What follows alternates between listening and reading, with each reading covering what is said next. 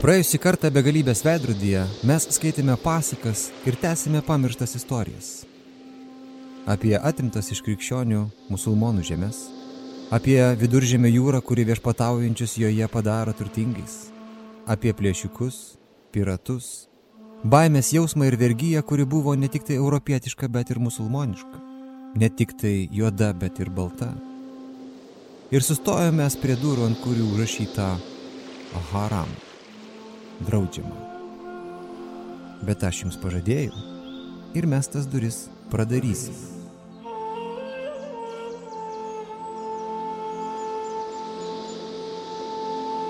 Begalybės veidrodyje pamirštos istorijos. O pamirštose istorijose jau trečia dalis. Pradėdamas jas galvojau, kad aš jas valdau.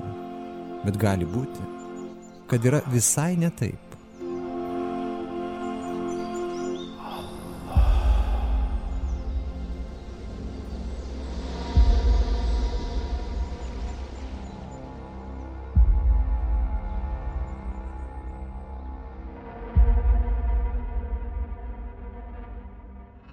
Kam Šacherezada turi būti dėkinga, kad liko gyva? Sau, karaliui ar tūkstančių istorijų?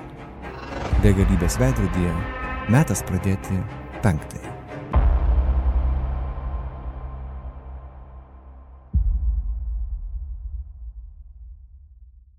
Laikotarpis nelabai svarbus, nes haremas visada haremas. Pavyzdžiui, aštuntas amžius. Umajadų laikai. Apie kalifo valido antrojo ištvirkimą sklinda neįtikėtini gandai.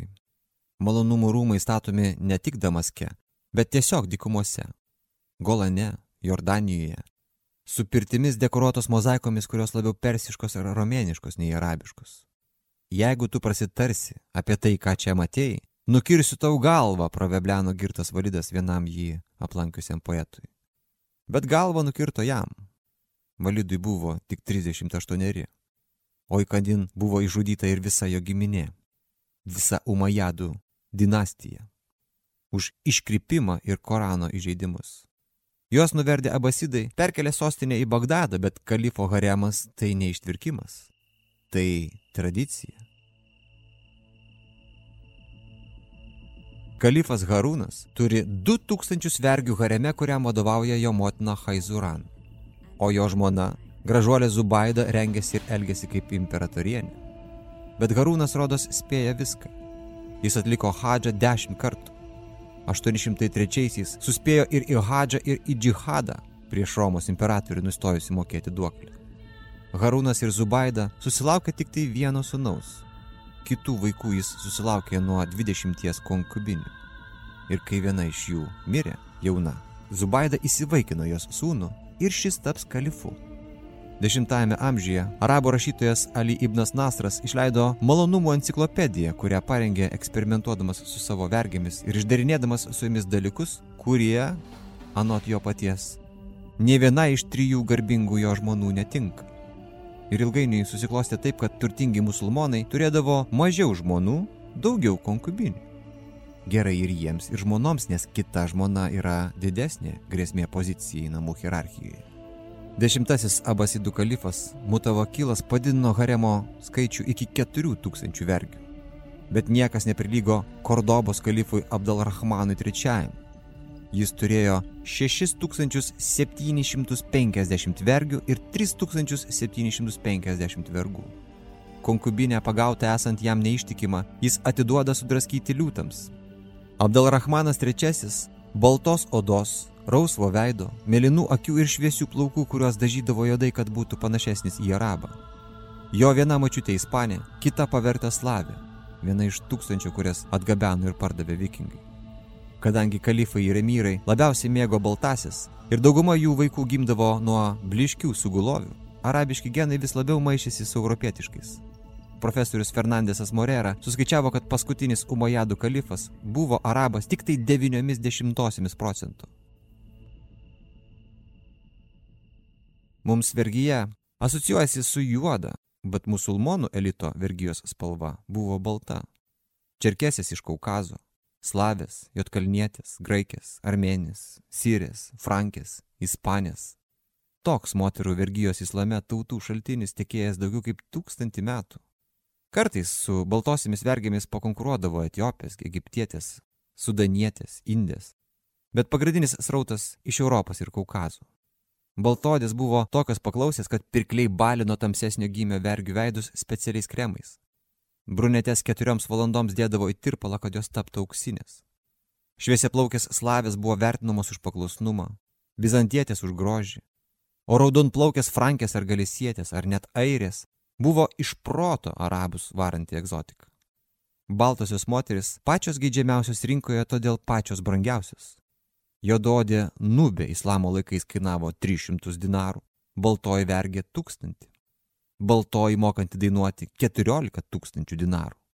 Ir kuo sunkiau bus gauti baltųjų vergių, tuo brangiau jos kainuos. Prie osmanų čerkesės kainuos iki 500 turkiškų lyrų, kai sirės ar nubės tik tai po 20-30. Ypatingos vergės buvo perkamos taip, kaip dabar milijardieriai šeikai perka futbolo žvaigždės. Kai kurios iš tų talentingų vergių irgi sugebėdavo tapti superžvaigždėmis kurioms įsigyti būdavo mokamos neįtikėtinos sumos. Pavyzdžiui, jau mūsų minėtas kalifas Harūnas norėjo savo hareme turėti visas tokias ypatingas žvaigždės. Ir noras šis kartas kainuodavo labai brangiai.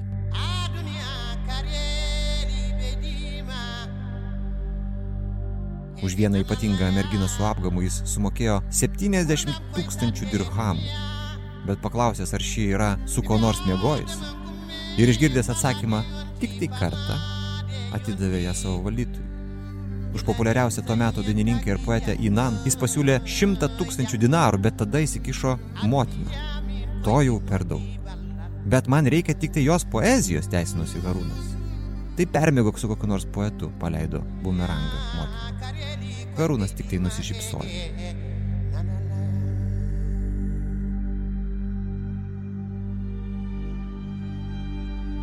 Istorikų skaičiavimais, kiekvienam islamo laikų vergui vyrui teko dvi moteris vergės. Iškalbinga statistika. Jos buvo perkamos kaip tarnaitės, kaip sekso paslaugų teikėjos, kaip prestižo ir statuso simbolis, kaip prabangos prekia, kurią iš tiesų galėjo sauliaisti tik tai turtingieji. Teoriškai, musulmonas galėjo turėti daug konkubinių, bet praktiškai tai galėjo sauliaisti tik tai turtuoliai. Ibno Batutos, garsaus rašytojo, kuris niekur nekeliaudavo be sugulovių užrašuose, galima pamatyti visokiausių įrašų, tokių kaip Dovanojau Mulatono emyrui baltą vergę, žirgą, šiek tiek razinų ir migdolų. Taigi vergės moteris ir kaip dovanos. Dar kaip gimdyvės, nes konkubinė, pagimdžiusi šeimininkui, tapdavo um albalat, ta, kuri nebegali būti parduota ir daugeliu atveju Um Alvalat mirus jos savininkui tapdavo laisva, o jos vaikai būdavo laikomi laisvais teisėtais ir pretenduodavo į paveldėjimą.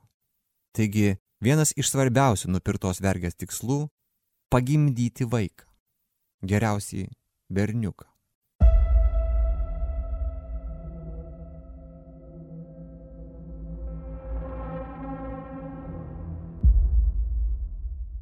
Tačiau dažniausia ir legali jų įsigijimo priežastis - seksualinės paslaugos. Vergės skirtos tam, o ne kažkam kitam, turėjo savo pavadinimą - konkubinė Sūrija. Taip kaip turėjo atskirą pavadinimą vergės turinčios ypatingų linksminimo gebėjimų - Gijan. Osmanai sugalvos savų žodžių, nes tas, kas yra, turi būti kažkaip pavadinta. Ir įsivaizduokite, kad turkiškas žodis kiz reiškintis sekso vergę, taip pat reiškia krikščionių moterį. Tarsi tai būtų du vienodi dalykai. Ir mes kalbame apie tūkstančio metų tradicijas. Pasakojimai apie arabų kalifus ir jų haremus skamba kaip tūkstančio ir vienos nakties pasakos. Bet tos pasakos iš tiesų nėra pasakos. Jos atspindi tikrai tos civilizacijos gyvenimą, jos tradicijas ir pasaulyje žiūrą. Jos pasakoja dalykus, kurie bėgant šimtmečiams nesikeičia.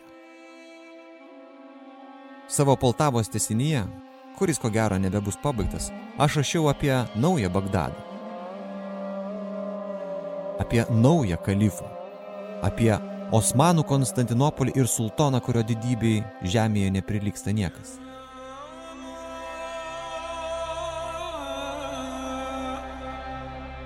Primdamas užsienio pasiuntinius ištaigingoje rūmų menėje, jis sėdi marmurinėme soste, vilkėdamas sabalais išpuoštą aukso audinio apseustą ir baltą turbaną su įspūdinga aigrete, pošne plaukų segę su plunksnomis ir milžiniškus maragdų.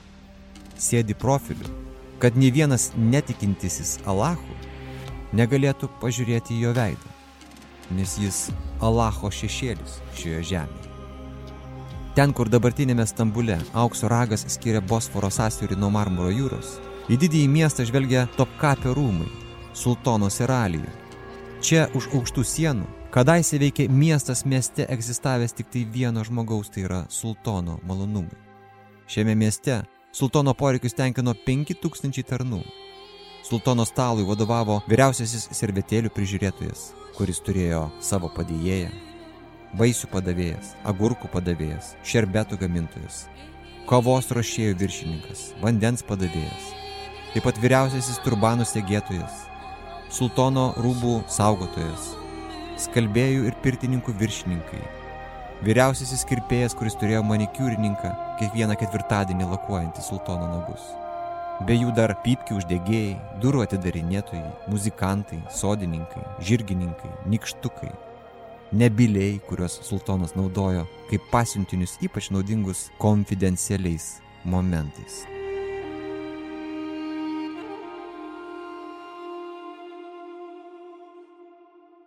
Pavyzdžiui, hareme, kuris buvo, ko gero, geriausia žemiška sultono dieviškos galios išraiška.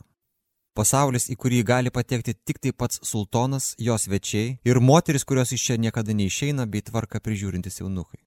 Iš sultono rūmų į haremą vedė tik tai vienas koridorius su keturiomis dieną naktį saugomomis durimis. Koridoriaus gale sudėtingas prabangių apartamentų, laiptinių, slaptų durų, kiemų, sodų ir baseinų labirintas. Kadangi į daugelį kambarių iš visų pusių supo kiti kambariai, šviesa skverbėsi žemyn pro vitražinius stoglangių kupolus ir langus. Karališkose apartamentuose sienos ir lubos išpoštos įmantriais brangių mėlynos ir žalios spalvos plitelių raštais, Grindys išklotos žėrinčiais turkiškais kilimais ir žemomis sofomis, ant kurių gyventojai sėdi sukryžiavę kojas, gurkšnoja turkišką kavą ir valgo šviežius vaisius. Kambariuose, kuriuose sultonas kalbasi su savo patarėjais įrengti fontanai, kad tekančio vandens garsas neleistų girdėti, kas kalbama. Šiame sultono mieste gyvena ne tik tai jaunos vergės. Čia taip pat gyveno jo dukros, į pensiją išėjusios konkubinės. Čia taip pat yra vaikų lopšelis, gimdymo namai, universitetas. Nė vienai moteriai neleidžiama susitikti su šeimininku be pakvietimo. Jam artėjant moteris turi greitai pasislėpti. Ir joks kitas vyras jų pamatyti negali. Jeigu kokiu iškilmiu metu grojama ten, kur moteris apsupusios savo sultoną, dvaro muzikantams užrišamos akis, kad haremo moteris būtų apsaugotos nuo pašalinių žvilgsnių.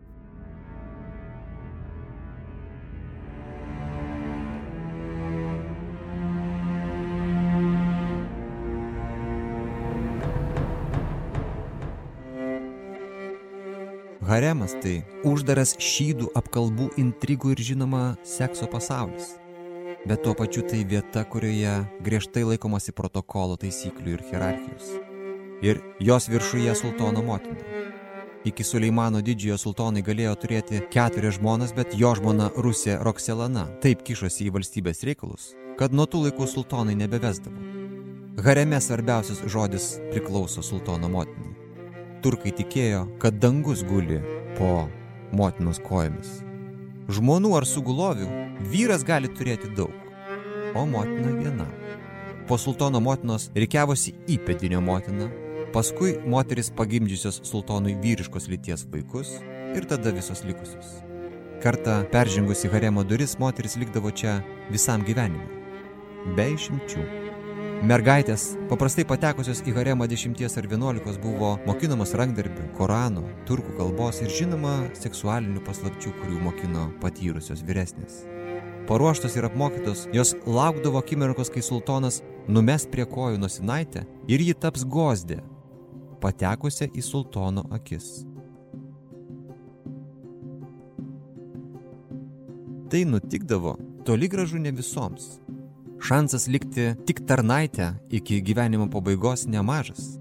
Ir šita perspektyva, o taip pat jos priešingybė, tos, kurias sultonas išsirinkdavo, būdavo aprūpinamos nuosavais apartamentais, tarnaitėmis, papuošalais, rūbais, pinigais, buvo priežastis, dėl kurios kiekviena odalik norėjo tapti gozdė. Pastebėtoje, o kiekviena gozdė norėjo tapti igbal, tai yra sugulovė. Nuobodulys - dar viena priežastis. Geismas - dar viena priežastis. Ir žinoma noras pakilti hierarchijos laiptais. Todėl dažniausiai haremo moteris stengiasi kaip įmanydamos būti pastebėtos sultono ir pasitaikius galimybei pademonstruoti viską, ką sugeba. Tiek lovoje, tiek pokalbėse apie astrologiją ar istoriją.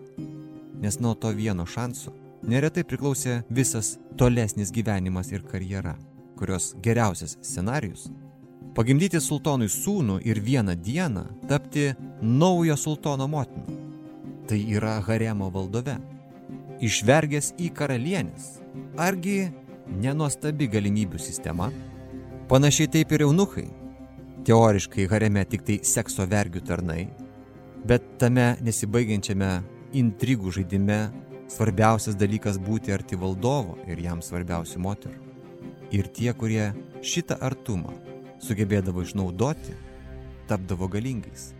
Prisiminkite šnapždėsių valdovą Lordą Varisą iš sostų karų. Štai jums ir įtakingo eunucho pavyzdys. Nes tas, kas valdo šnipždėsius, tas valdo informaciją. O tas, kas valdo informaciją, tas valdo viską. I'm the master of whisperers. My role is to be sly, obsequious and without scruples.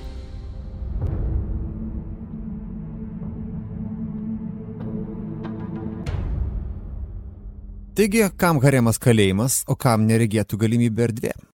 Jeigu turėtumėt laiko mašiną, ar norėtumėt išbandyti šitas svaiginančias galimybės?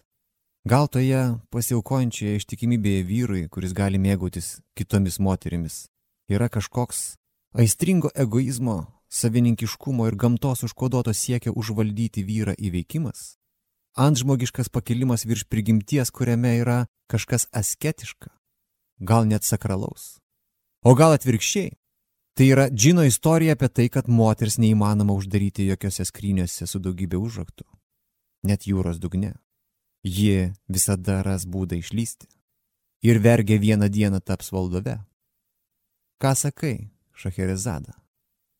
Tu metei iššūkį vyriškai sistemai ir ją įveikiai.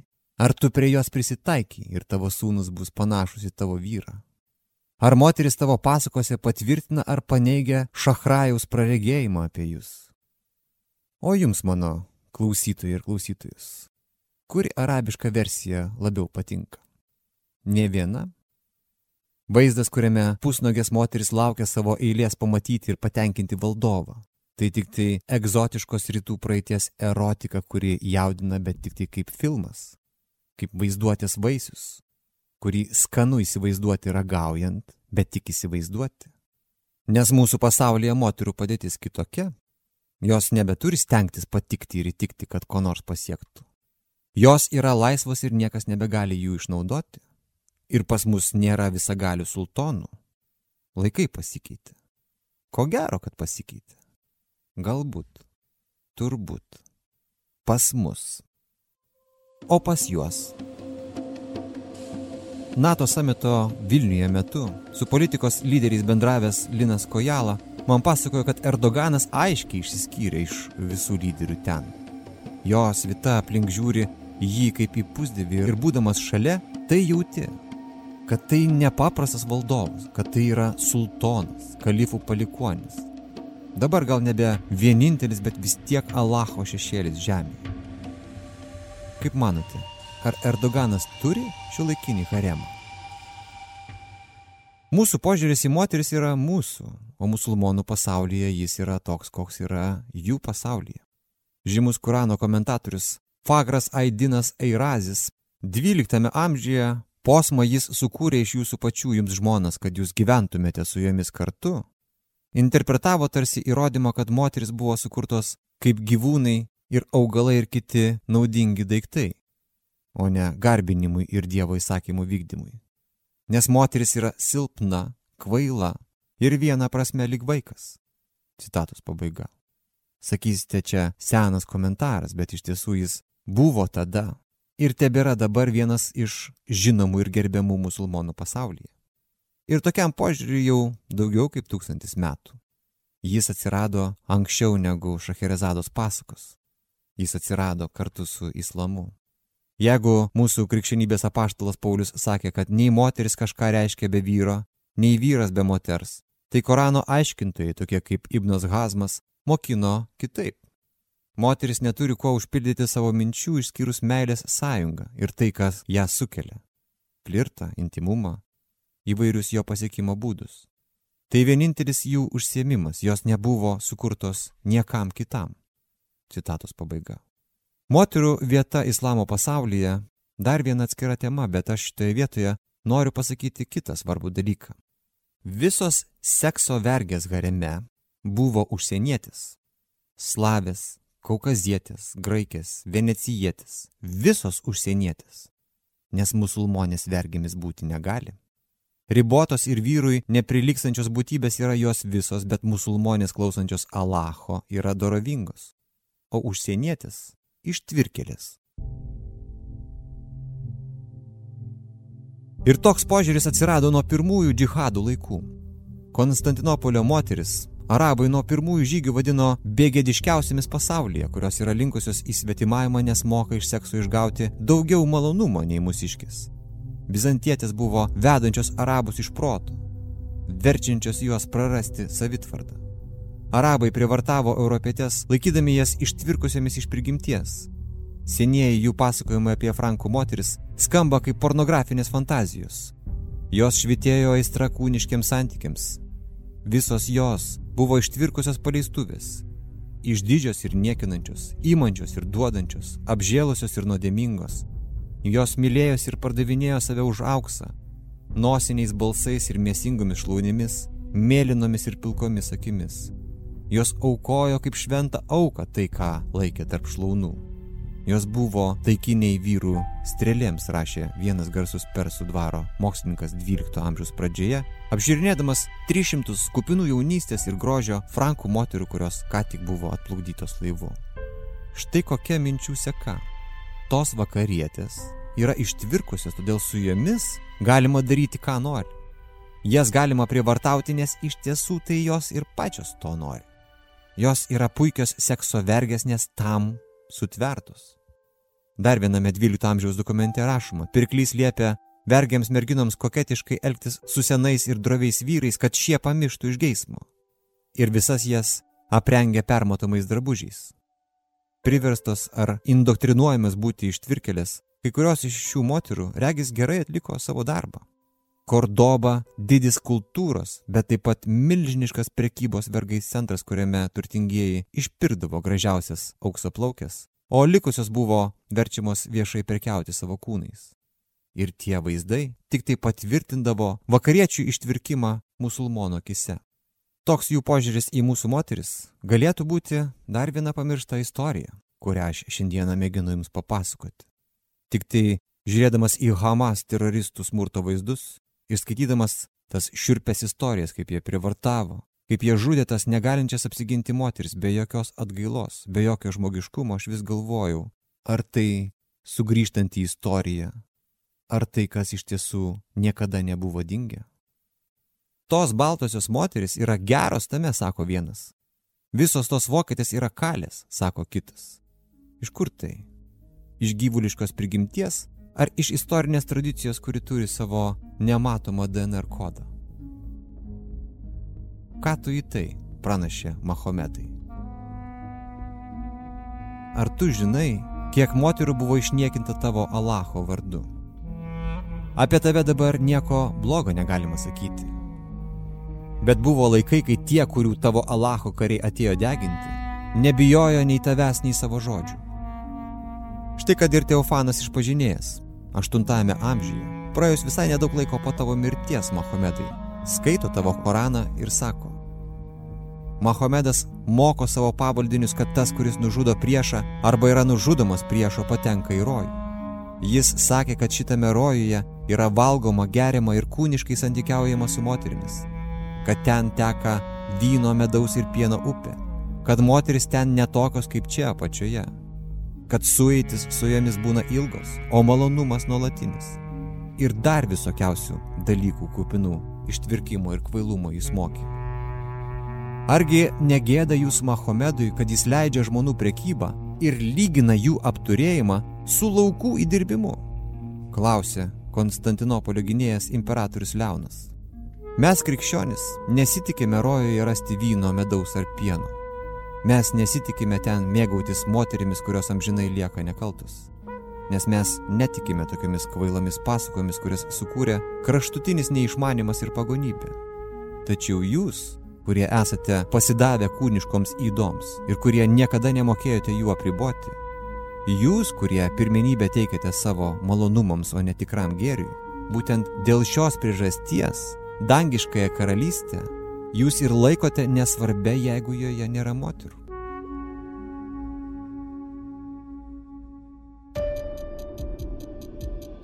Pilnas šis, visi kiti epizodai ir apskritai visas nuolat pildomas mūsų kanalo turinys prieinamas jo prenumeratoriams.